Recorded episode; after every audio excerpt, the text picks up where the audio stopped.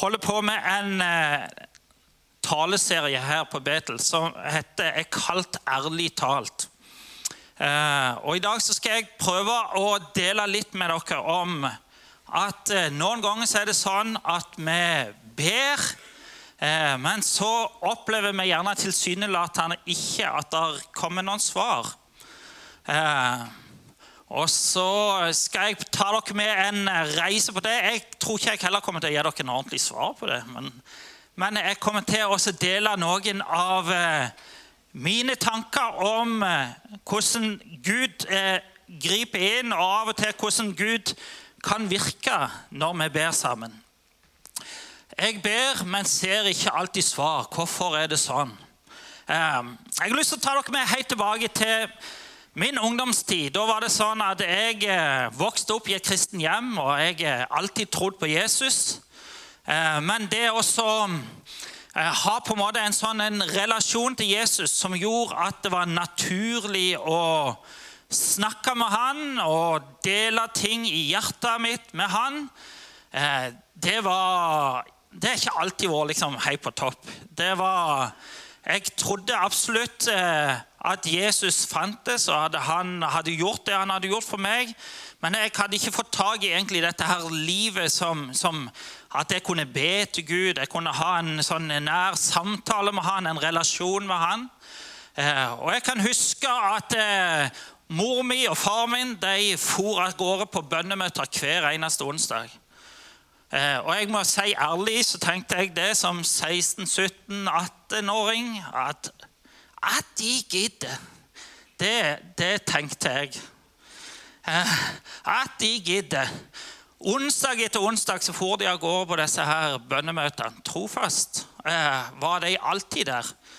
Eh, og Egentlig så måtte jeg få meg et sånn skikkelig spark i baken sjøl før jeg skjønte det at at det å koble seg på Gud, det å dele livet med Gud og be til Han, det kan være en, og er en absolutt naturlig del av livet. Som eh, Nå må jeg tenke at jeg sier rett her. Eh, som 23-åring så reiste jeg på noe som eh, pinsebevegelsen her som kalles for Team Action. Eh, og Jeg reiste til eh, Hongkong, og jeg skulle være i Hongkong. Og jeg skulle, skulle trodde jeg, eh, ha som oppdrag å smugle bibler fra Hongkong og inn i Kina. Eh, den første uka jeg er der nede i Hongkong, så får jeg beskjed av ledelsen der at eh, bare sånn at du vet det Her er det sånn at alle som er med på arbeidet her, de må lede et bønnemøte som varer minst seks timer. Dere må lede det på engelsk.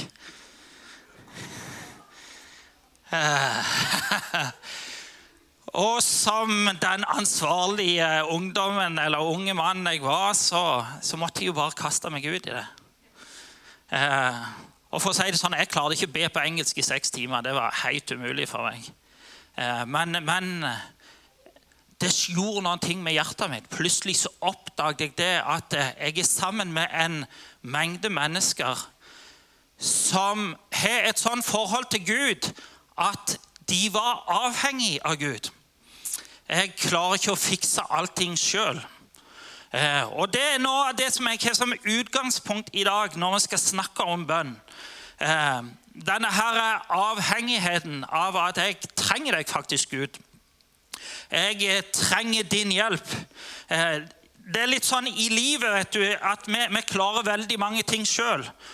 Og spesielt vi i vår norske kultur. Vi har jo tilrettelagt det aller meste. Vi vi kan klare det meste sjøl. Jeg tenkte på eh, en liten sånn historie som jeg sikkert har fortalt her før. Eh, Mathias, han eldste gutten min, han, eh, vi lærte tidlig opp eh, guttene til at eh, ok, det er naturlig å snakke med Gud. og Hvis vi slår oss, så, så ber vi til Gud. Eh, og En dag så deiste han ned trappa hjemme, og tårene trilla. Han grein som og skrek der. og så imellom hikstene så, så roper han ut eh, Skal vi takke Jesus nå, eller skal jeg Og det var liksom sånn, et, et, symbol på at vi, da skal vi be til Jesus. Eller skal vi fikse det sjøl, sa han. um, vi takket Jesus der i trappa. Uh, uh, men, men, sånn kan det være med oss mennesker. Det er en del ting vi tenker at dette her kan vi fikse sjøl. Og så stjeler vi vekk denne avhengigheten av Gud. Denne avhengigheten, denne herne, tilliten til Gud. Og Jeg har lyst til å lese et bibelvers sammen med dere som står i Lukas kapittel 18. Og Det er en historie som en lignelse som Jesus forteller om fariserene og tolleren. Og Det står der en annen gang vendte Jesus seg til noen som skrøt av at de alltid fulgte Guds vilje, og som så ned på andre folk. Jesus fortalte et bilde for dem og sa to menn gikk til tempelet for å be. En av dem var fariseer, den andre var toller. Fariseeren sto for seg selv og ba, 'Takk Gud for at jeg ikke er en synder som alle andre', og spesielt ikke som tolleren der borte. Jeg bedrar ikke noen. Jeg stjeler ikke fra andre. Jeg er ikke utro i ekteskapet mitt. Jeg faster to ganger i uken, og jeg gir en tiendedel til Gud av alt jeg tjener.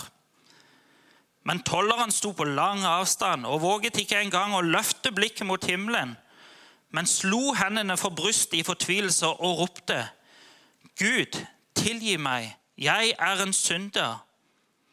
Jeg sier dere, fortsatte Jesus, at det var han og ikke fariserene som gikk hjem skyldfri for Gud. For den som opphøyer seg selv, skal bli ydmyket, men den som ydmyker seg selv, skal bli opphøyet. Og jeg tenker det at vi som lever i den norske kulturen, vi har masse å lære av det. Eh, nettopp av det å Vær ydmyk innenfor Gud. Eh, ydmyk innenfor det at han er større. Han ser lenger enn det som vi klarer å gjøre. Eh, da står dette her eh, verset i Salme 111 at å frykte Herren er opphavet til visdom. Alle som gjør det, har god forstand.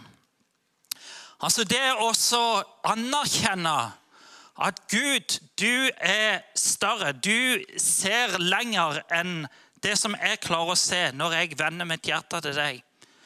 Eh, for meg er det utrolig viktig altså i forhold til det vi har, vi har drevet og snakket her, og Knut har delt litt tidligere, eh, om at det er mange ting som vi ikke forstår, eh, i, som skjer i livet. Vi forstår ikke alltid hvorfor gjør ikke Gud sånn som jeg tenkte. Eh, og Noen ganger så tenker jeg det at eh, vi kan nedgradere Gud til å være som en av oss. Men Gud han er allmektig. Han er den som skapte himmelen og jorden. Han er den som råder over alle ting. Gud er større enn alle ting. Og jeg tenker at Noe av visdommen i dette her, det ligger i det å anerkjenne at det Gud er Gud. Og han er større enn alt. Og han veit bedre, han kjenner bedre. Han forstår mer enn det som vi klarer som mennesker. Jeg tror vi trenger også å vise det at jeg er avhengig av deg, Gud. Jeg trenger deg, Gud.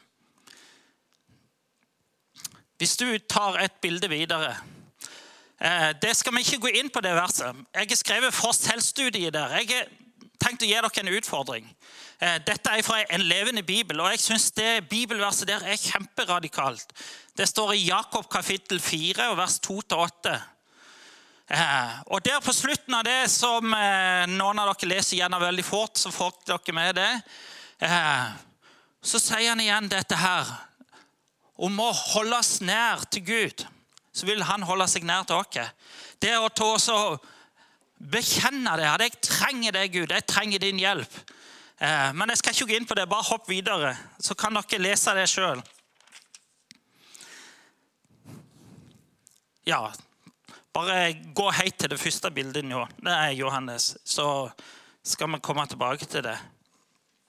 Er det sånn at Gud alltid svarer på bønn? Spørsmål. Svarer Gud alltid på bønn? Det diskuterte jeg med mamma, min mamma. vet du. Jeg, jeg, jeg, ja, jeg sitter rundt kjøkkenbordet med henne til stadighet. Eh, og så vet jeg det at hun elsker Gud, og hun elsker mennesker. Og så spør jeg henne her tror du virkelig det er Gud, at Gud han alltid svarer på bønn. Og umiddelbart, uten å tenke seg om, så sier hun ja, selvfølgelig. Hva tror du? Eh, ja, jeg vet ikke, jeg, sa jeg til mamma med litt sånn spørrende blikk. Eh, og så hadde vi en samtale rundt kjøkkenbordet om Gud alltid svarer bønn. Eh, jeg har lyst til å sitere litt fra den tyske evangelisten Reinhard Bunke, som er en anerkjent mann. Eh, han sier det. Jeg ber kanskje for flere syke enn noen andre i dag. Og ser kanskje flere helbredet enn alle andre predikanter i løpet av et år.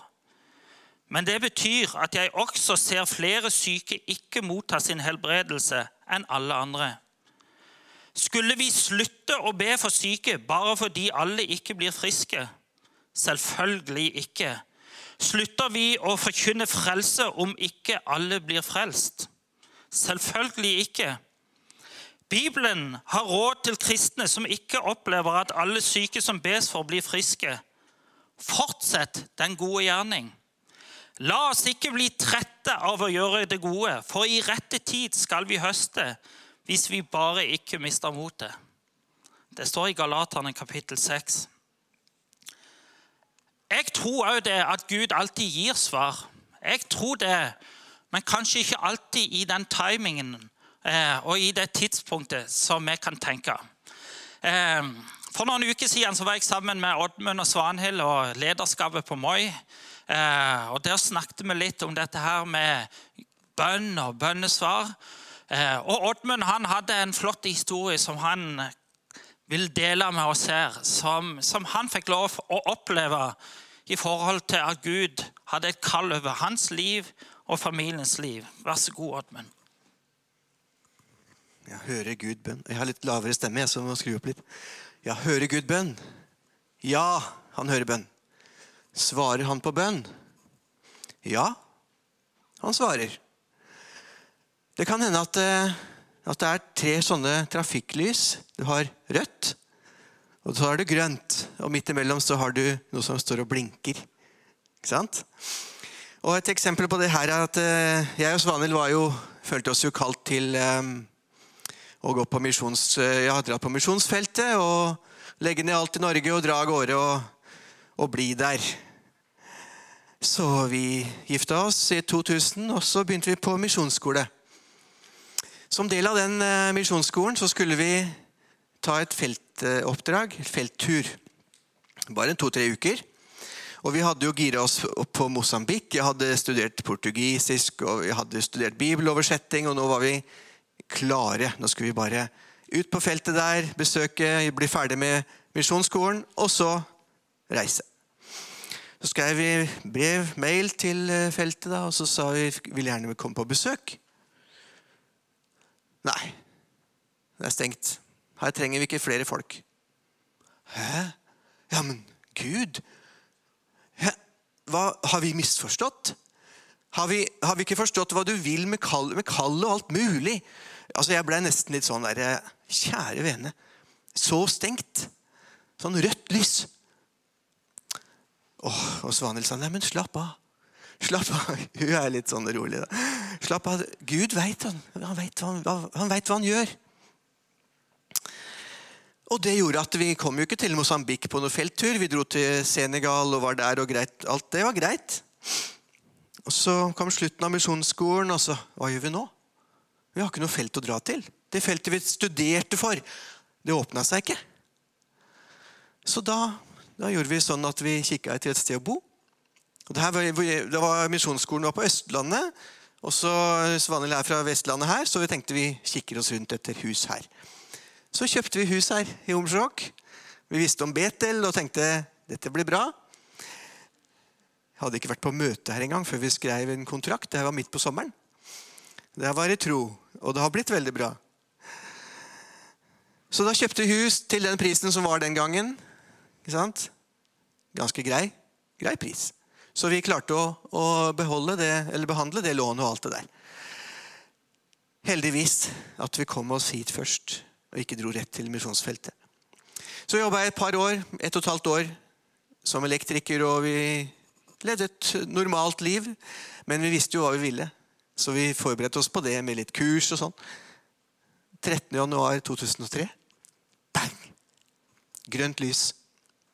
Grønt lys. Vi hadde venta to år. To-tre år. Invitasjon fra Mosambik. Vil dere komme og være bibeloversetter hos oss? Og bare, Jeg husker hvor jeg satt. Jeg fikk mailen. Helt fantastisk. Gud svarer. Men noen ganger så blinker det litt gult, og jeg hater å vente. Kona mi kan vente, men jeg kan ikke vente.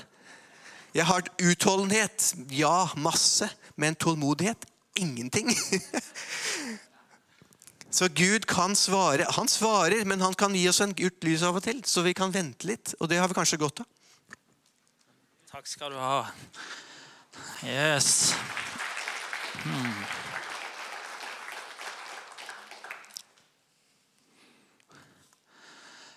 Jeg tror det at Gud han har kontroll.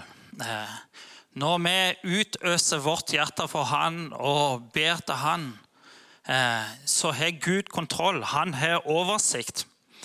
Eh, Bibelen den lærer oss hvordan vi skulle be.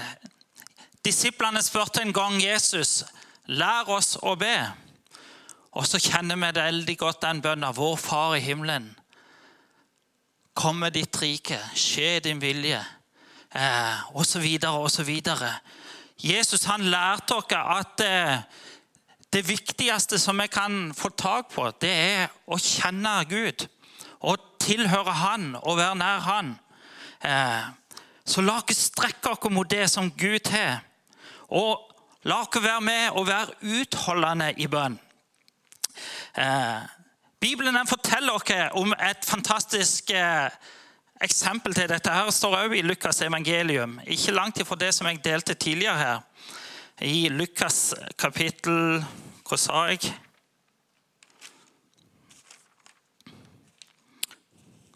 Lukas 18, ja.